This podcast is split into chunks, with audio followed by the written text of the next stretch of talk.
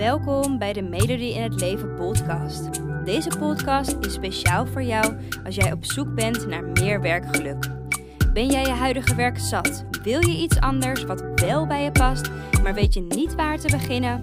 Dan inspireer ik je graag met mijn podcast, zodat ook jij je droombaan bemachtigt, waarbij je voldoening, uitdaging en plezier ervaart. Heel veel luisterplezier.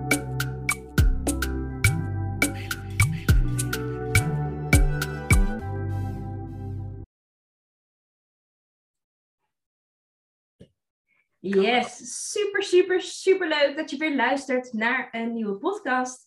En deze podcast is niet zomaar een podcast. Deze podcast ben ik namelijk niet alleen. Ik ben namelijk samen met Iris. Uh, en Iris, uh, mag ik jou gewoon meteen vragen om jezelf even voor te stellen? Ik denk dat jij dat gewoon veel beter kan dan dat ik dat kan. Oh, leuk. Ja, hoi. Leuk dat ik uh, aanwezig mag zijn bij deze podcast. Ik ben Iris. En ik ben voeding- en mindset coach bij Mind Your Body. Ik help vrouwen met afvallen zonder dieet. Nadat ik ruim 30 kilo zelf ben afgevallen. En uh, daarvoor heb ik echt elk dieet geprobeerd die je maar kan bedenken. Echt verschrikkelijk, want elke keer niet lukte. Uiteindelijk is het me dus wel gelukt en help ik vrouwen daar dus nu ook mee om dat ook te bereiken. Uh, maar ik denk dat het voornamelijk heel interessant is voor jou om um, te horen uh, hoe ik zelf eigenlijk tot dit vak ben gekomen, tot, uh, mijn bedrijf. Want daarvoor heb ik echt nou ja, jarenlang in loondienst gezeten. Best wel ongelukkig uh, gezeten in mijn kantoorbaan. Echt tot huilens aan toe naar, mijn, naar mijn werk toe elke dag. En uiteindelijk ben ik gekomen waar ik nu ben. En dat is eigenlijk al twee jaar een succesvol bedrijf runnen. En dat is een hele weg geweest. Dus ik denk dat het heel leuk is om daar samen over te kletsen. Ja, super. En wat fijn al dat iedereen nu nou ja, gewoon precies weet wat je nu doet. Maar ook uh, die herkenbaarheid waarschijnlijk wel kan voelen van... oh, zij snapt wat, uh, wat ik voel als ik ongelukkig naar mijn werk ga. Want zou je, zou je me daar allereerst wat meer over willen vertellen? Want je zei kantoorbaan, nou ja, ongelukkig, tot huilens toe. Uh, vertel, wat deed je en nou hoe, hoe was dat voor jou? Ja, het is best wel een, bijzonder verhaal. Um, voordat ik naar de kantoorbaan ging, waar ik dus elke dag huilend naartoe ging, heb ik drie jaar lang de wereld rondgereisd. Ik had echt een droomleven en een droombaan. Uh, ik werkte als duikinstructeur. Ik had mijn eigen bedrijf als onderwaterfotograaf in Thailand. Uh, ik, ik zat echt van, nou, ik woonde in drie verschillende continenten, van Bonaire, Curaçao tot aan Indonesië en weer terug. Uh, ik ontmoette daar ook de liefde van mijn leven, waar ik vandaag de dag nog steeds mee ben. Uh, gewoon een Nederlandse jongen, hoe bedenk je het? Echt heel bijzonder. um, en toen hadden we besloten, we waren in Thailand, superleuk, um, hadden het goed voor elkaar. Maar het was ook niet alles, merkten we, we wilden graag terug uh, naar Nederland. Om daar eigenlijk iets op te bouwen. Want duikinstructeur is superleuk, maar eigenlijk verdien je geen knoop. je kunt je vliegticket terugverdienen en, en that's it. Nu is geld natuurlijk niet alles, maar een beetje spaargeld opbouwen is wel lekker. Ja. En toen zei hij van, nou weet je wat, we gaan terug naar Nederland. Oké, okay, dus zo gezegd, zo gedaan. En toen dacht ik, nou weet je wat, een kantoorbaan, dat doe ik wel even. Mm -hmm. Ik uh, was van origine accountmanager, uh, sales, dus eigenlijk een beetje de vertegenwoordigingskant op. Ja. Uh, dus daar zocht ik ook een baan in en echt binnen no time had ik een baan gevonden. wat natuurlijk heel fijn is, zeker als je net terugkomt uit het buitenland. Ja. Um, maar ik merkte dat ik daar niet op mijn plek zat. Al heel snel niet. Ik uh, kom oorspronkelijk uit Brabant. Uh, maar ik ging voor mijn uh, vriend ging ik in Noord-Holland wonen. Dus ik kwam in een nieuwe omgeving terecht waar ik niemand kende. Ja. Een stukje cultuurverschil. En dus ook nog eigenlijk heel snel een baan kunnen vinden in je branche. Um, maar ook dat je daar weer niet op je plek zat. Dus het was een beetje een hele roerige tijd, kan ik je vertellen. ja, ja. Hey, en um ik kan me sowieso heel goed voorstellen dat hè, lekker de wereld rondreizen, lekker duiken, is echt het totaal tegenovergestelde van een kantoorbaan. wat, wat maakt dan dat je in eerste instantie dacht van, oké, okay, dit leven met het duiken, oké, dat is ook niet helemaal, we willen een vaste basis. Maar waarom dan een, een kantoorbaan? Ja, nou, dat is een goede vraag. Um, ik had het denk ik echt zwaar onderschat. Ik dacht echt, dat doe ik wel even. Uh, want daarvoor heb ik ook altijd kantoorbaan gehad voordat ik naar het buitenland vertrok. Mm. En dat ging eigenlijk altijd prima. Dus je gaat dan eigenlijk ook weer heel snel terugvallen in het oude vertrouwen. Dus hè, het hele burgerlijke leven, zeg ik altijd als grapje. Maar hè, van 9 tot 5 werken, van maandag tot en met vrijdag en een vast salaris weten waar je aan toe bent. Ja. En uh, nu ben ik ondernemer en um, uh, eerst dacht ik vroeger altijd, ja, ik wil ooit ondernemer worden. Maar op dat punt waar ik toen zat, was me dat nooit echt bijgekomen van, oh, ik kan nu mijn eigen bedrijf opstarten. Ik, het enige wat wij wilden was vastigheid en iets opbouwen. Dus dan ga je eigenlijk heel snel weer denken aan een kantoorbaan. Ja. Dus uh, daar zat ik dan. ja, precies. Dus het was eigenlijk meer voor jou destijds hè, de bekende route, de route die je al kende hè, voordat je duikinstructeur was. Uh, fotograaf. Ja. Juist, het oude vertrouwen was het meer. Ja. ja. en, en hoe was dat dan voor jou op het moment dat je dus die kantoorbaan ja, toen had? Ik weet nog wel dat ik de eerste maand uh, best wel enthousiast was. En ik had leuk werk, vond ik. En leuke collega's. Maar eigenlijk zodra mijn proeftijd voorbij was, kreeg ik het echt best wel heel erg benauwd. Ik weet niet of dat bekend is voor heel veel mensen hoor. Maar toen viel het eigenlijk allemaal best wel tegen. De collega's waren niet zo aardig als dat ik in eerste instantie dacht. Um, ze vonden misschien ook een beetje een gekke Brabander. Um, ook de, het werk zelf was niet helemaal wat ik voor ogen had. Dus toen begon het eigenlijk al een beetje te wankelen. Ja, ja. En hoe zag dat dan voor jou eruit, hè, dat het zo begon te wankelen? Qua, hoe, voelde jij, hoe voelde jij je eigenlijk? Ja, nou, in eerste instantie voelde ik me echt heel erg, uh, nou ja, kut. Omdat ik dacht, het ligt aan mij.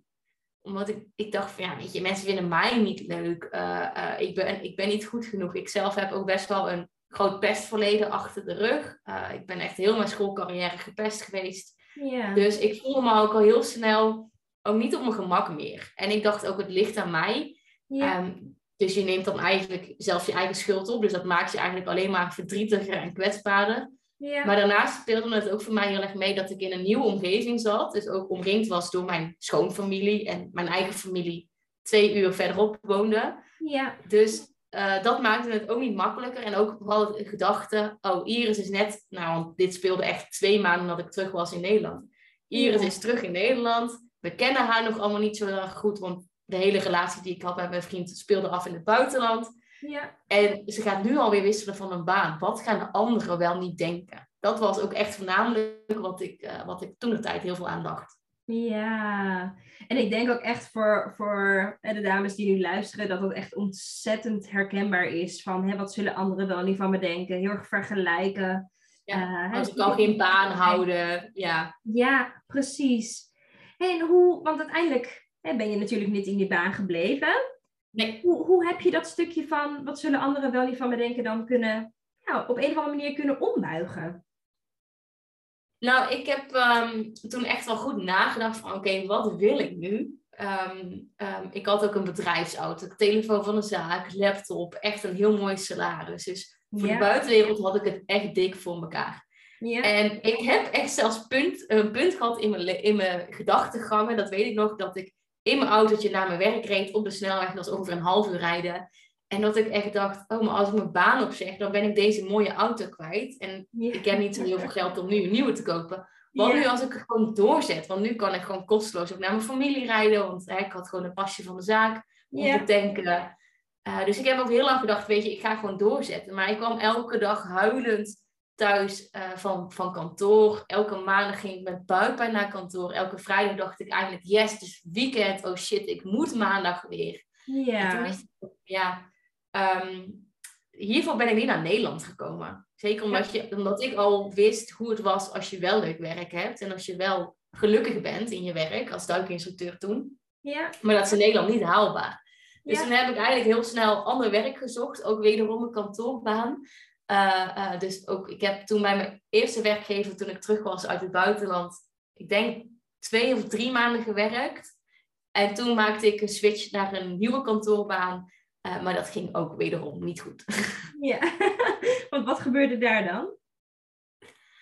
Um, ik werd uh, uh, ja, een beetje binnendienstmedewerker. Ze hadden het heel mooi voorgedragen hoe het zou zijn. Ja. Um, dus ik, ik had een hele mooie factuur gelezen en aan de hand daarvan hadden ze me een soort van binnengehaald. Dus toen had ik mijn, mijn baan opgezegd als accountmanager en ben ik toen die functie gaan bekleden. Ja. Eh, het was een heel leuk bedrijf met hele fijne collega's, die me ook echt op de been hielden ja. um, toen de tijd. Alleen het was heel erg administratief. Het was constant in Excel bezig zijn en klopte eigenlijk helemaal niet van de bedrijfsomschrijving en ook niet van de uh, vacature wat ze online hadden gezet. Het klopte gewoon Ja. niet met de werkelijkheid. ja. Uh, dus ook daarin werd ik dus ook niet heel erg gelukkig. Nee, precies, helder. Hey, en wat ik me afvraag is, ehm, want nou, je kwam in Nederland, je had die kantoorbaan, je had hè, financiële zekerheid, noem maar op. Hè, je had een, een, van alles van de zaak. Hè, Mhm. Wat ik weet is dat heel veel dames die ik spreek, hè, financiële zekerheid is ook wel echt een puntje waardoor het lastig is om je baan hè, zomaar op te geven of hè, om op zoek te gaan naar iets anders. Wat maakte dan dat jij toch die switch hebt gemaakt naar een andere kantoorbaan? Ja, waar ik dus al die luxe niet had. Dat Ja, was gewoon een kantoorbaan. ja, Ehm, het was echt dat, dat ehm, eh, het stukje niet in het team passen. Dus ja. toch elke keer flashbacks krijgen naar mijn pestverleden. Ja. Ehm, maar ook elke keer huilen naar je, naar je werk gaan. Dat doet, ik werd zo chagrijnig elke dag. Ik kwam met moeite uit mijn bed. Eh, het beïnvloedde me, mijn vrije avonden en mijn weekend. Omdat ik elke keer dacht, shit, morgen of maandag moet ik weer. ja, Ehm, en op een gegeven moment, na ik denk twee, drie weken, huilend elke dag in de auto te zitten. En eigenlijk ook huilend naar mijn ouders gebeld te hebben. Want ik weet niet wat ik moet doen. En hun waren natuurlijk ook gefrustreerd. Van ja, luister eens, je bent net terug in Nederland. Wat wil je dan? ja, Dus ik zat er voor mijn gevoel tussen wal en schip. Maar ik wist wel dat het anders moest. ja, Ehm, dus toen ben ik eigenlijk in die tijd al gaan zoeken naar een andere baan. En heb ik heel snel ook iets anders kunnen vinden. Waardoor ehm, het ook makkelijk was. Omdat ik wist dat die, dat gevoel van verdriet ik niet meer wilde ervaren. Dus dan ehm, accepteerde ik zeg maar de, de mindere salaris. En ook dat ik niet al die benefits had. Zoals een bedrijfsauto. ja, Dan dacht ik van ja weet je, daar, dat moet ik dan maar voor kiezen. Maar mijn werkgeluk is het allerbelangrijkste. Niet wetende dat ik dat natuurlijk in die nieuwe baan ook niet ging vinden. Ja, precies. En wat mooi dat je dat op die manier zo zegt. Hè? Dat het dus, hè, ondanks dat je op papier alles voor elkaar had en dat het eigenlijk daar perfect was, was je toch Mhm. zei van oké, maar mijn werkgeluk is belangrijker dan wat alles wat ik eigenlijk krijg. Dus hè, ik neem een stap, ik ga naar iets anders. Ja. En ehm, oké, je hebt dus een keuze gemaakt naar iets anders. Het bleek uiteindelijk ook niet de goede keuze te zijn. Waar Mhm. ik benieuwd naar ben is, hoe heb je die keuze gemaakt naar die andere baan? Dus hey, was dat een, een hoofdkeuze, een hartkeuze? eh andere manier kan natuurlijk ook. Van de ene kantoorbaan naar de andere bedoel je? Ja, precies. Hoe, hoe kies je eigenlijk? Ja, ehm, ja, goede vraag. Ik denk dat het een beetje een combinatie was van beide. Ehm, vooral mijn hart, omdat ik dus echt intense verdrietig was elke dag. En ik ook, maar mijn privéleven, mijn relatie en alles er ging onder lijden. Ja, Eh, ik kwam ook minder lekker in mijn vel te zitten. ja, Ehm, en mijn hoofd is dan heel snel in een oplossing gaan denken. Dus eh, dat is ook wel hoe ik ben opgevoed. Ik kom ook echt uit een ondernemersgezin. Dus dan is het heel snel doorpakken, weet je wel. Niet miepen, maar doorgaan. ja, Dus ik zat eigenlijk al binnen no time op eh, LinkedIn te kijken naar nieuwe vacatures. Eh, en ik dacht, nou weet je, ik ga gewoon solliciteren en ik, ik eh, zoveel mogelijk de deur uit doen. En hoe eerder ik een nieuwe baan heb, hoe eerder ik ook in ieder geval met deze verdrietige situatie eh, kan stoppen. juist. Ja, Dus ik denk wel dat het meer een, een hoofdbeslissing was dan een hartbeslissing. Omdat ik gewoon wist dat dat me niet gelukkig maakte. Maar ik niet wist, of niet kon voelen, wat dan wel. Wat dan wel de optie was. juist. hey, en ehm, dat werk was het ook niet voor jou? Hoe, hoe gelukkig ben je in het werk met wat je nu doet? Ja, Ik heb nu echt het leukste werk van de hele wereld. Ja, kan ik wel vertellen. Ik zou ook geen duikinstructeur willen, willen worden. Sterker nog, ik ben net terug van drie maanden Bonaire. Omdat eh, eh, mijn vriend is gewoon duikinstructeur en ik, ik ook. Eh, Ja. Dus wij konden drie maanden in Bonaire overwinteren.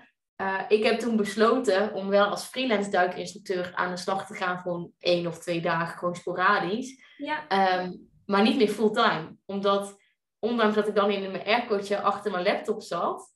eh, en aan mijn eigen bedrijf ging werken en voor klanten... ja, eh, wist ik wel, dit maakt me het allergelukkigst. juist. Ja. Ik zou nooit meer anders willen. Nee. En wat maakt dan dat jouw werk het leukste werk is? Uh, ik denk echt, of ik voel eigenlijk, dat um, nou, ik help dan vrouwen met afvallen zonder dieet. Dat is echt mijn levensmissie. Yeah. Dus het is echt uh, uh, waarvoor ik elke ochtend opsta. Ik, ik voel het gewoon tot aan mijn tenen, tot aan mijn ziel, dat dit is wat ik moet doen. Yeah. En dat zit zo dicht bij wie jij bent. En ook vooral, um, ik kan nu de persoon zijn die ik tien jaar geleden zelf nodig had. Toen ik zelf aan het strijden was met de kilo's. En uh, het is nu zo fijn om dat voor andere vrouwen te kunnen betekenen en hun successen te kunnen zien. En dat, dat ze eigenlijk na het volgen van mijn programma nooit meer op dieet hoeven. En wat voor rust ze dan daarin krijgen. En dat geeft zo'n zo'n voldoening. Dat, uh, ja, ja. kan geen andere baan tegenop. Ja. hey, en want ik hoor je hè, zeggen van, oh, dit is eigenlijk hè, mijn levensmissie. En ik kan me voorstellen dat dames die nu luisteren, dat die zoiets hebben van, oh my god, Iris, hoe, hoe heb je dit ontdekt? Kan je daar wat ja. over vertellen? ja, dat kan ik me heel goed voorstellen.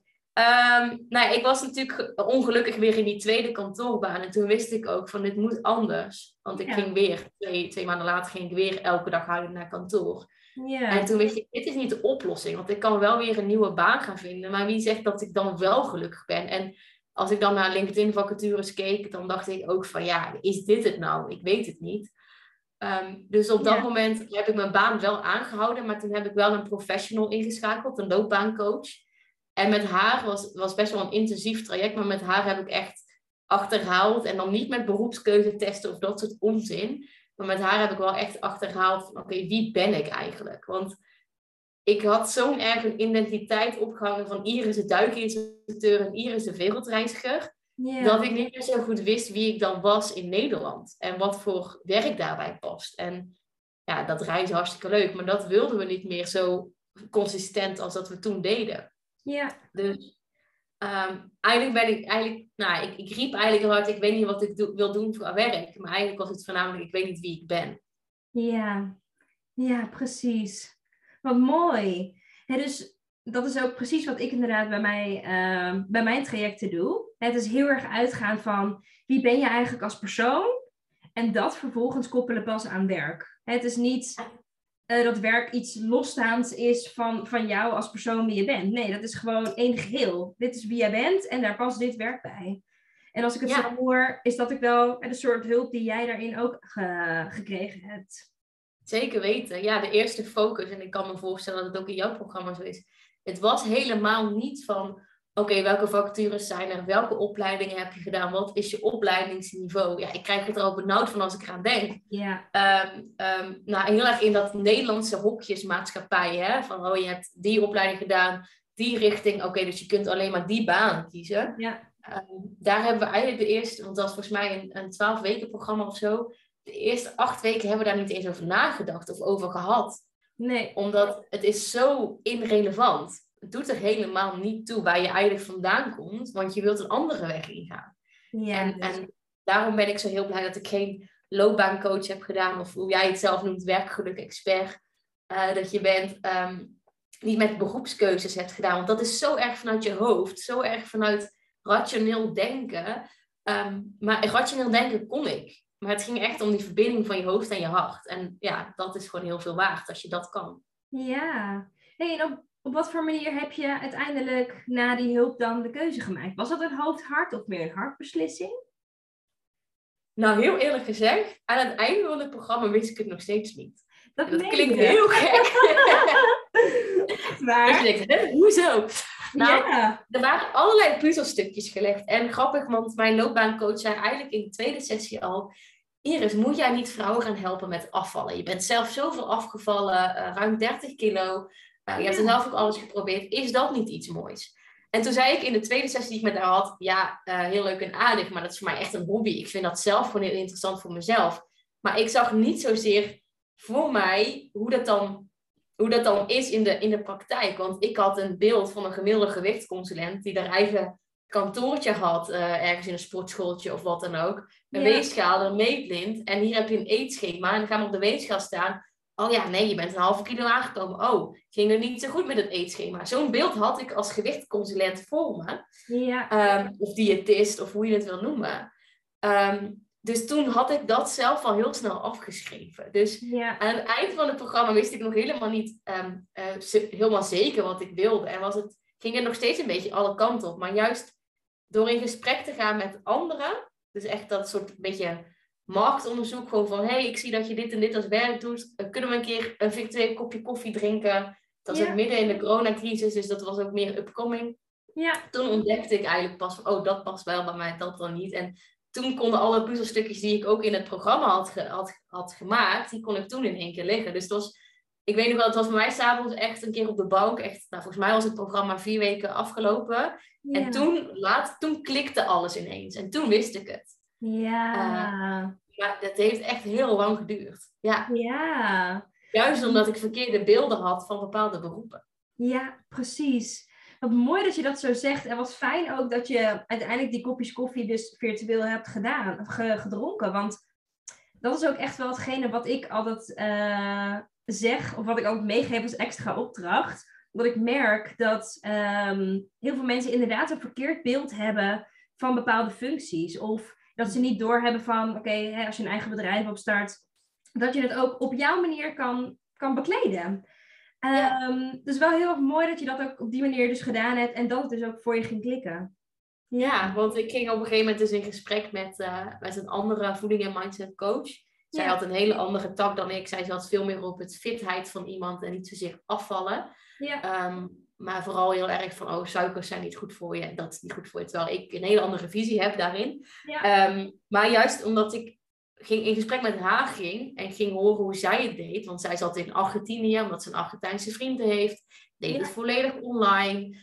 eh, eh, werkte wel met voedingsschema's. Maar aan de hand van dat gesprek merkte ik ook van... Ja, maar het is niet dat voedingsschema. Het is de mindset eromheen. Ja, En toen dacht ik van ja, maar dat is bij mezelf ook geweest. Dus ik hoef niet zo'n gewichtconsulent worden die eh, met een weegschaal onder de arm en een meetlintje langs alle klanten gaat. Dat hoeft Ja. helemaal niet.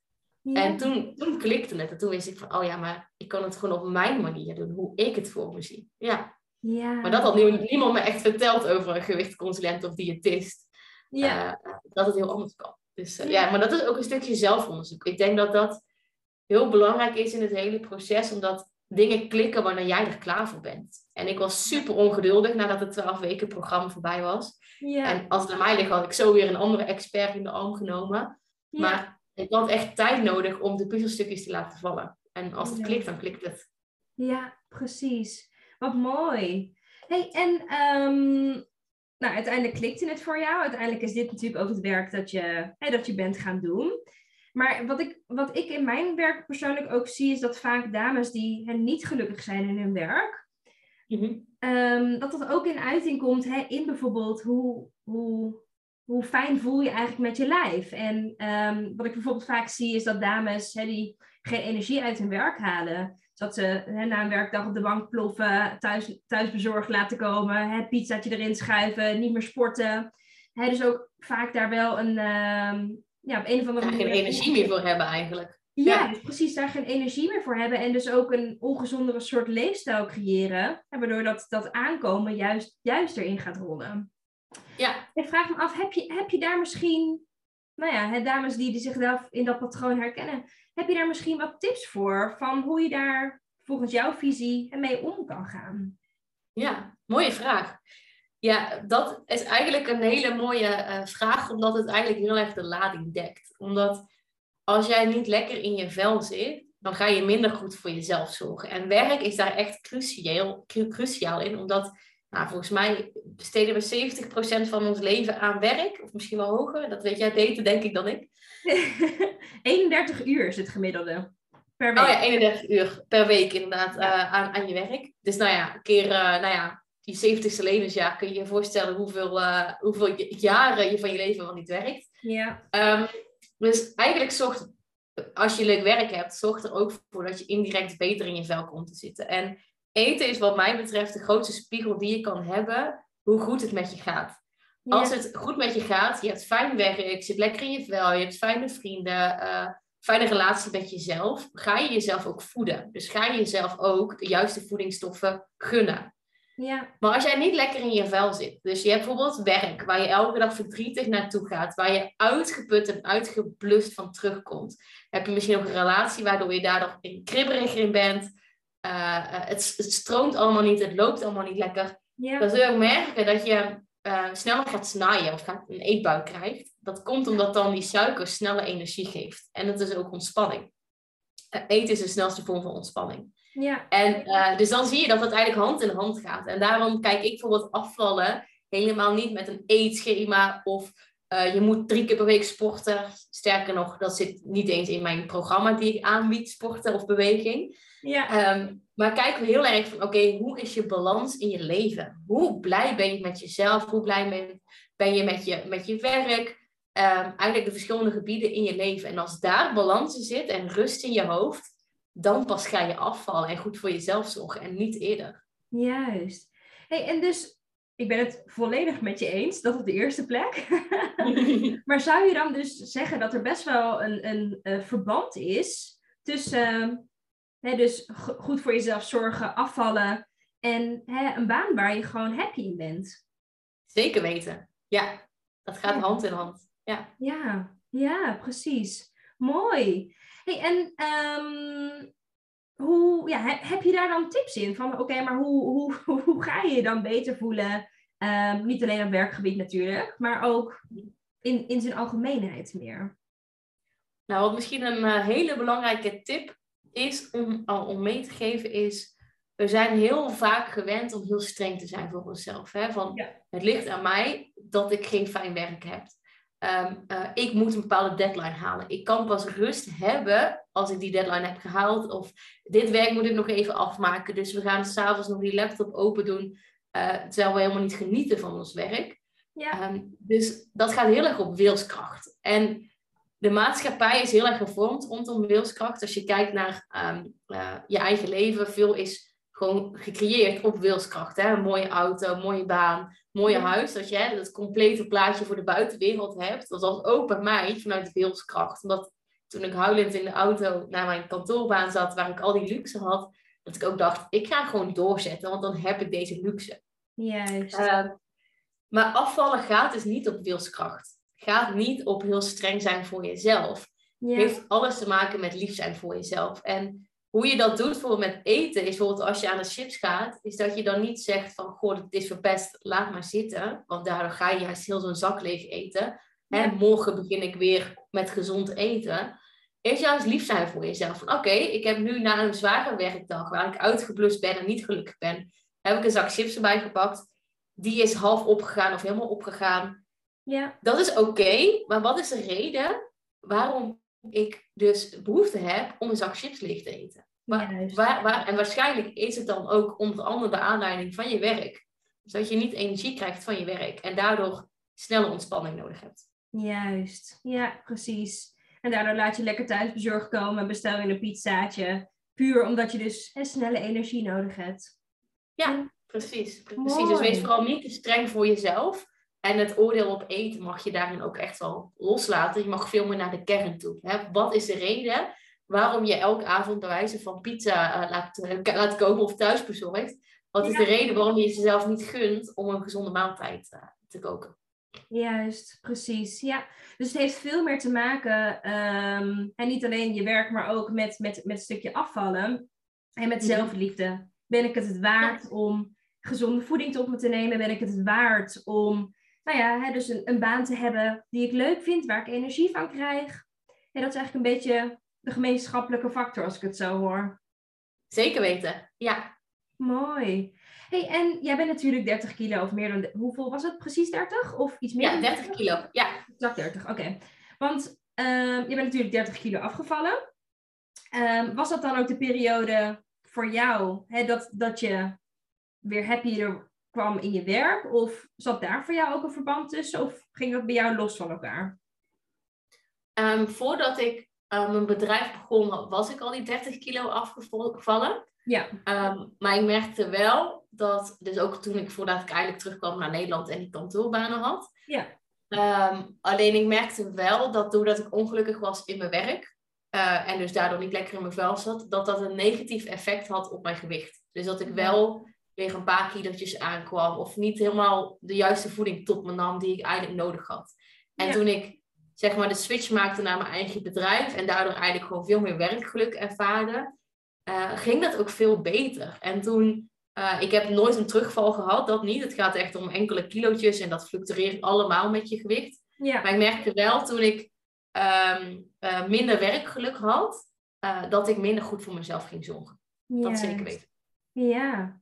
Hey, en als we het hebben over werkgeluk, wat is, wat is werkgeluk voor jou? Ja, mooie vraag. wij ondernemers zeggen altijd, we gaan ondernemen voor de vrijheid. maar ik denk dat dat een van de grootste leugens is die je maar kan bedenken. Want we willen nooit 40 uur gaan werken voor een baas, maar werken ondertussen 60 uur voor onszelf. dus die vrijheid, hè? Nee, een grapje. Um, nou, voor mij is het wel echt, um, um, nou ja, vrijheid en avontuur is mijn kernwaarde in mijn hele leven. Vandaar ook die wereldreis en in verschillende continenten wonen. En voor mij is ondernemerschap één groot avontuur.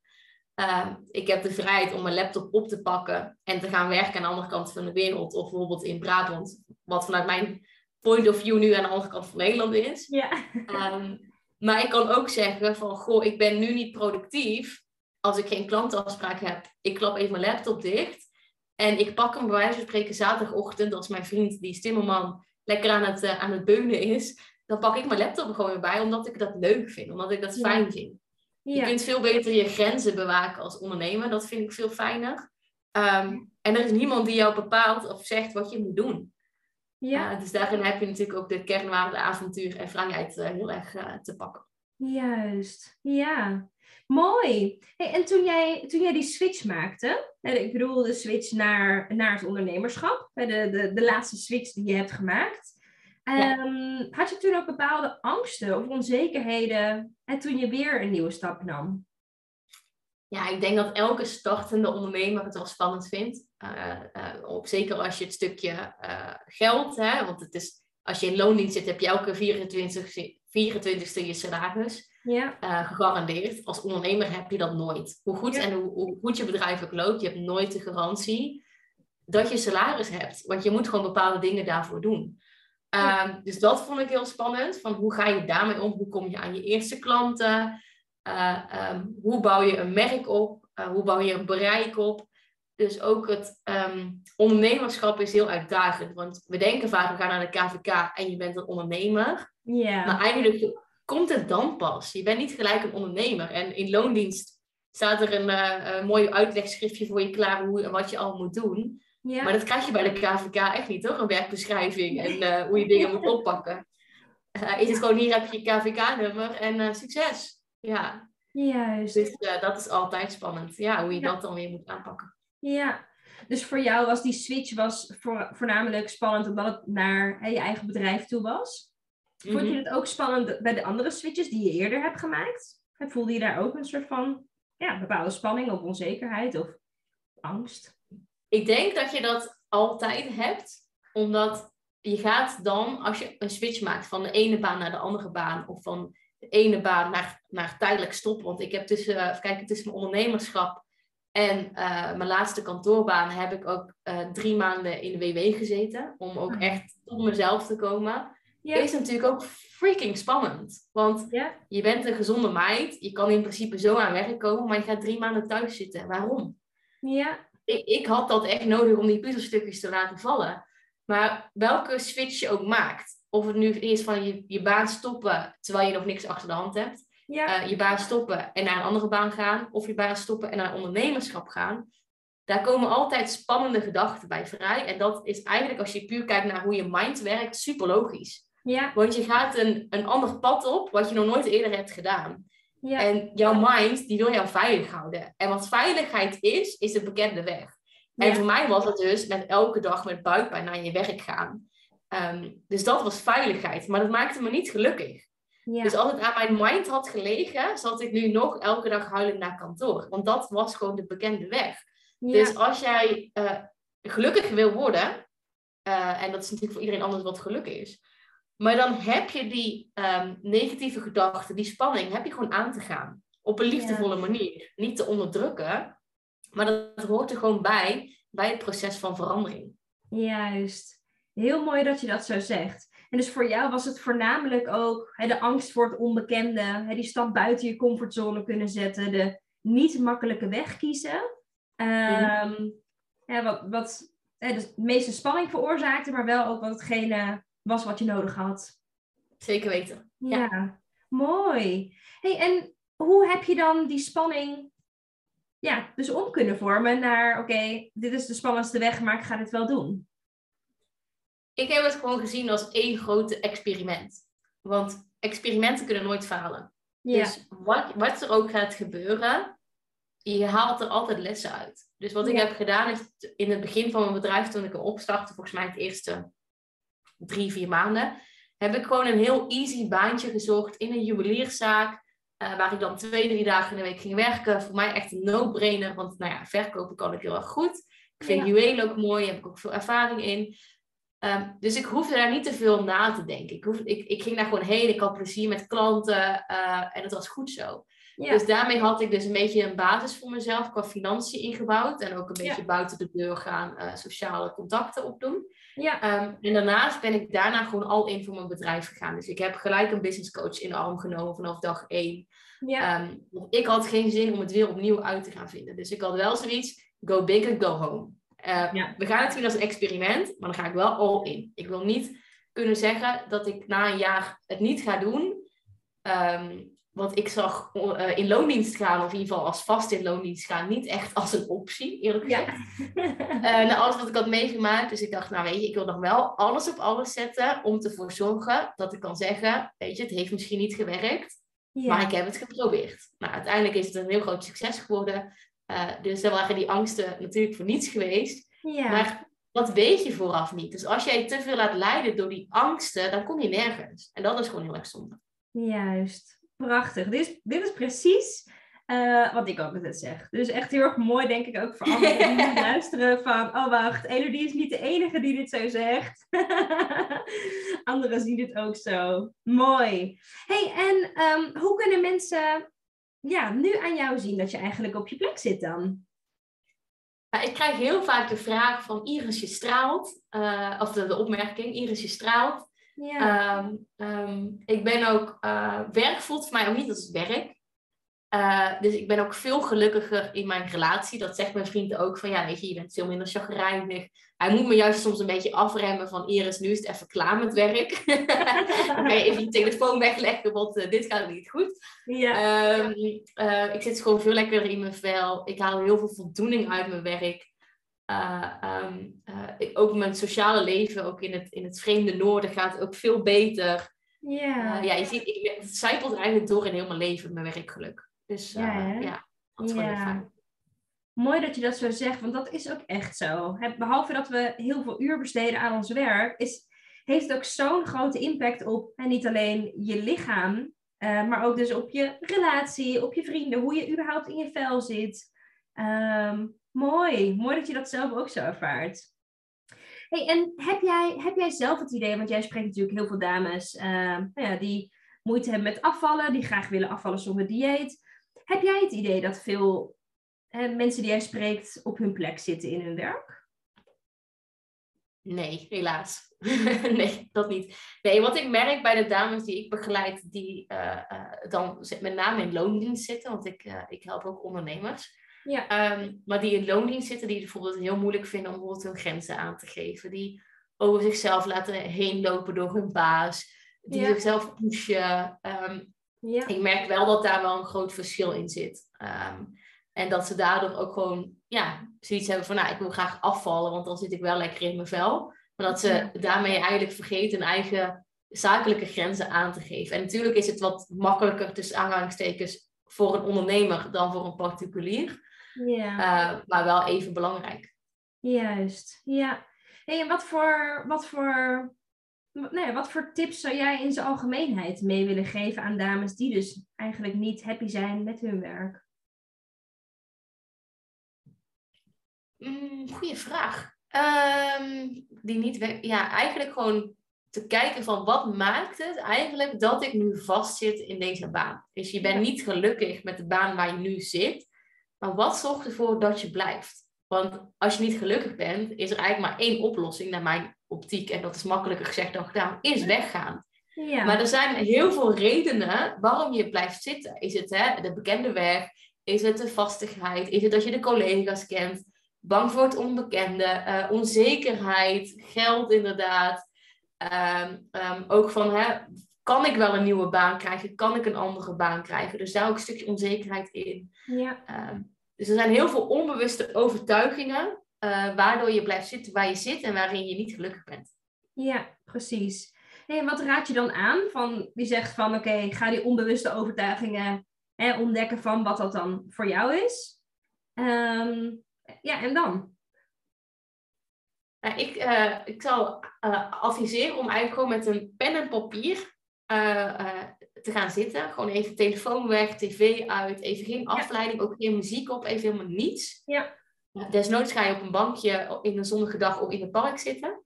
Maar dat je echt gaat opschrijven, dat je je, je functie of je bedrijf waar je zit gaat opschrijven. En gewoon gaat de, de, de pro's gaat opschrijven. Wat maakt je werk leuk? Wat, vind je, wat maakt je werk niet leuk?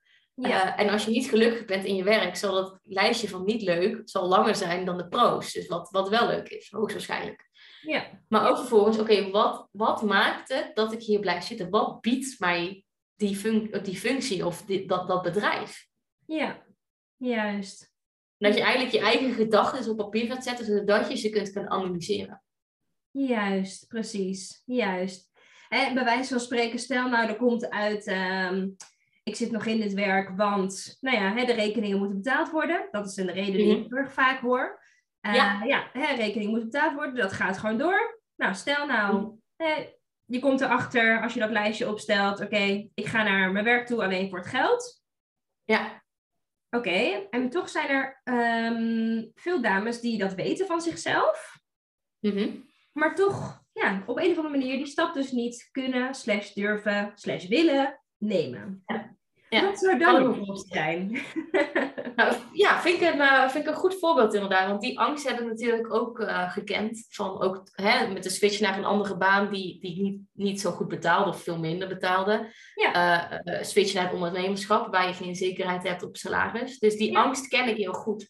En wat mij heel erg helpt is, wat heb jij daadwerkelijk nodig aan het eind van de maand? Welke kosten maak je en welke zijn echt nodig om te kunnen leven en welke zijn bij wijze van spreken onzinnig? Dus bijvoorbeeld als jij elke maand je nagels laat doen voor 50 euro eh, eh, per maand, ik noem maar iets. Ja, Heb je dat daadwerkelijk nodig? Nou, om te overleven? Nee, niet per se. Is natuurlijk makkelijker gezegd dan gedaan, hè? want eh, voor heel veel vrouwen is je nagels en je uiterlijk heel belangrijk. Maar ik, ik keek dan heel praktisch, oké, wat heb ik nodig om te kunnen leven? Nou, mijn eten, mijn drinken, mijn verzekering, elektra, huur of hypotheek. Ja, Ja, auto is ook wel handig. Dus dan heb je een aantal lijstjes van wat je echt per se nodig hebt. En dan komt er Ja. een x-bedrag uit. Ehm, en alle luxe even weggestreept. Want Ja. eh, luxe is in dat soort zin tijdelijk even overbodig. Want het gaat om je werkgeluk. Dus wat is voor jou belangrijk? Je nagels of je werkgeluk? Of dat je überhaupt gelukkiger bent? juist. En ja. Ehm, toen ben ik ook gaan kijken van oké, ik ga dadelijk aanzienlijk achteruit in mijn salaris. Ook toen ik die drie, twee, twee of drie dagen in een, eh, in een retailwinkel ging werken. ja, Maar toen ben ik bij mezelf gaan nagaan, oké, dit is even de pijn die ik moet gaan dragen om straks het werkgeluk te ervaren. Om weer gelukkig te zijn met mijn leven. ja. En mijn leven in te richten zoals ik het wil. Dus dat ik daardoor niet elke week op stap kan gaan. Niet elke week mijn nagels kan laten doen. Niet elke week eh, kan gaan winkelen. Niet ehm ongegeneerd bij de Zalando kan gaan bestellen, bij wijze van. ja, Dan is dat een feit waar ik nu even mee moet liggen dealen. Maar ik weet ook dat er betere tijden aankomen. En juist. Daarnaast ben ik toen ook bijvoorbeeld gesprek aangegaan met mijn partner. Van, goh, oké, wat zijn daarin opties? Ik was altijd heel stellig van, oké, we moeten het 50-50 verdelen. Maar toen ik niet gelukkig was met mijn werk, ging dat ook ten koste van ons samen en ook van zijn geluk. Want hij had elke avond een chagrijnige vriendin op de bank. Ja, Dus toen ben ik ook gaan kijken van, oké, hoe kunnen we die verdeling beter gaan maken? Ehm, Ja. Waar hij, hij mij kan helpen, maar waarin ik straks, als er betere tijden zijn, ook weer hem kan helpen. Dus Ja. daarmee zul je ook merken dat je ook veel meer een team wordt samen. Dus je, kunt, je mag om hulp vragen. Dus eigenlijk wat het belangrijkste is, is leer oké te zijn met de pijn die je moet dragen om gelukkiger te worden in je leven. En pijn heeft dus aanhalingstekens. En ga kijken naar mogelijkheden. Want er zijn altijd mogelijkheden. Misschien een partner die je beter kan helpen financieel gezien. Of kan je bij familie of bij vrienden een lening aangaan. Ik noem maar iets. Hè? Ja. Uh, als er een wil is, is er een weg. En bij mij was de pijn zo groot van mijn werkongelukkigheid. Zeg maar, hoe noem je dat? Dat ik ongelukkig was in mijn werk. Ja. Dat ik er alles voor deed ongelukkig te worden. Juist, mooi. En ik denk echt dat je daarmee zo erg de vinger op de zere plek legt. Omdat heel vaak, wat ik vaak hoor, is dat dames het gewoon heel erg spannend vinden om door dat oncomfortabele stuk heen te gaan. Om weer Mhm. comfortabel te kunnen zijn. Dus eerst van oké, eh, minder salaris of eh, wat zullen anderen ervan zeggen. Maar in die end is dat het dus, als ik jouw woorden zo mag horen, en dat is ook wat ik keer op keer zie gebeuren. In die end is dat het gewoon waard als dat je gewoon hè, meer werkgeluk oplevert en überhaupt geluk in je leven, omdat dat zo erg met elkaar samengaat. Hè, dus de vraag die je jezelf, als je nu luistert, die je jezelf mag afvragen, is het dus, is het mij waard om door dat oncomfortabele stuk heen te gaan voor meer werkgeluk? En weet je wat de grap is? Het is goed dat je het zegt. Maar jouw mind gaat er alles aan doen en gaat heel hard in je hoofd lopen schreeuwen om te zorgen dat jij niet door dat oncomfortabele stuk gaat. Want dat is heel spannend. Dus dan gaan we niet investeren in een, in een eh, goede loopbaancoach of zoals jij bent, werkgeluk-expert. Dan vinden we dat allemaal heel erg spannend. Dan gaan we niet op zoek naar een andere functie die slechter betaalt, maar waarvan wel het een no-brainer werk is. Waarin Ja. je dus tijd hebt om aan jezelf te werken. Ja, Ehm, dat zijn allemaal uitdagingen die je aan mag gaan, maar daar leer je alleen maar heel erg van. Juist, precies. En heel, heel mooi ook, want dit is ook precies hetgene waar ik me in mijn trajecten ook altijd op focus. Omdat Mhm. dit is precies wat er gaat gebeuren. En je moet door die Mhm. pijn heen en je wil niet door die pijn heen, want dat is gewoon niet chill. Nee. Dus ehm, juist ligt daar in die trajecten die ik aanbied. Het is niet alleen hè, ontdekken wat bij je past en wie je bent als persoon en wat voor werk eh, schikt voor jou. Maar het is ook, oké, maar hoe maak je komende periode, hoe zorg je ervoor dat je toch door die pijn heen gaat? Hoe zorg je ervoor dat de komende periode, ondanks dat het rete spannend is allemaal, dat je het toch gaat doen. En dat je Ja. het draaglijk maakt voor jezelf. Dus dat is ook absoluut altijd een heel erg groot onderdeel van, eh, van de hulp die ik aanbied. Omdat dit gewoon, ja, dit gaat Ja. gewoon opkomen. En weet je wat het mooiste is? Is als je dat bij jou kan leren, is dat het mooiste en het belangrijkste levensles wat je ooit kan ervaren. Omdat dit gaat altijd terugkomen. Want nu is het misschien met een andere baan zoeken of je baan opzeggen of wat voor reden dan ook. Ja, Maar dit mindset spelletje komt altijd terug. Ik zeg ook altijd, nieuw level, nieuw devil. Dus heb je je baan opgezegd, ga je naar een andere baan, komen er weer nieuwe beperkende gedachten vrij. Komen Ja. er weer nieuwe uitdagingen, weer een pijn waar je doorheen mag gaan om weer te groeien. Maar als jij verliefd kan worden op de duisternis, kan je meer licht vangen. Zo simpel is het. ja, En eh, is het echt het waardevolste wat je jezelf kan gunnen om te leren, om daarmee om te gaan.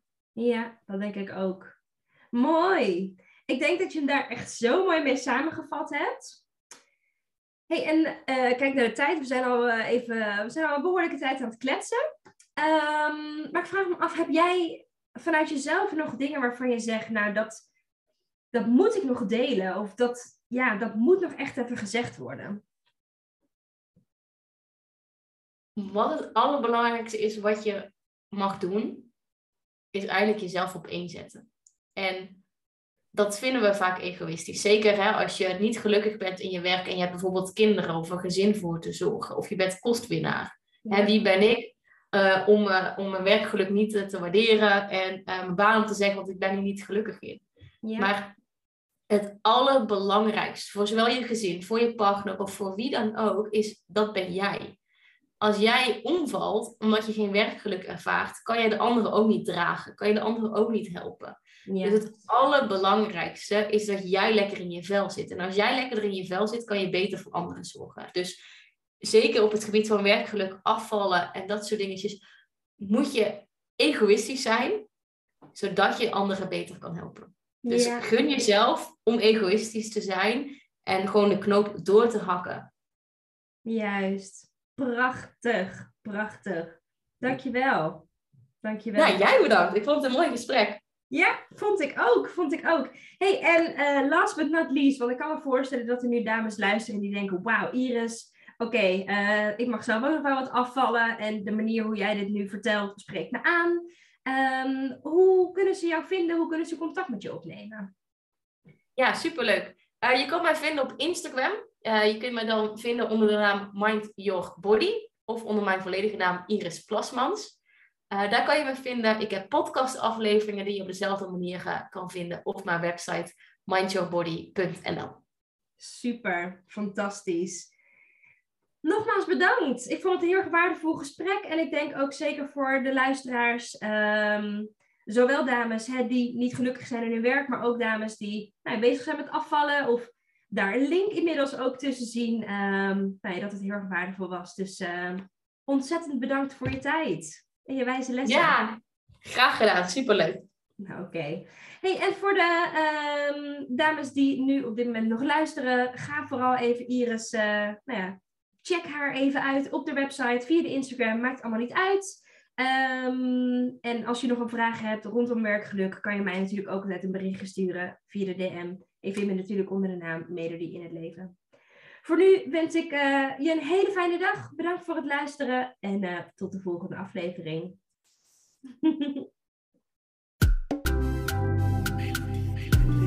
Dankjewel voor het luisteren.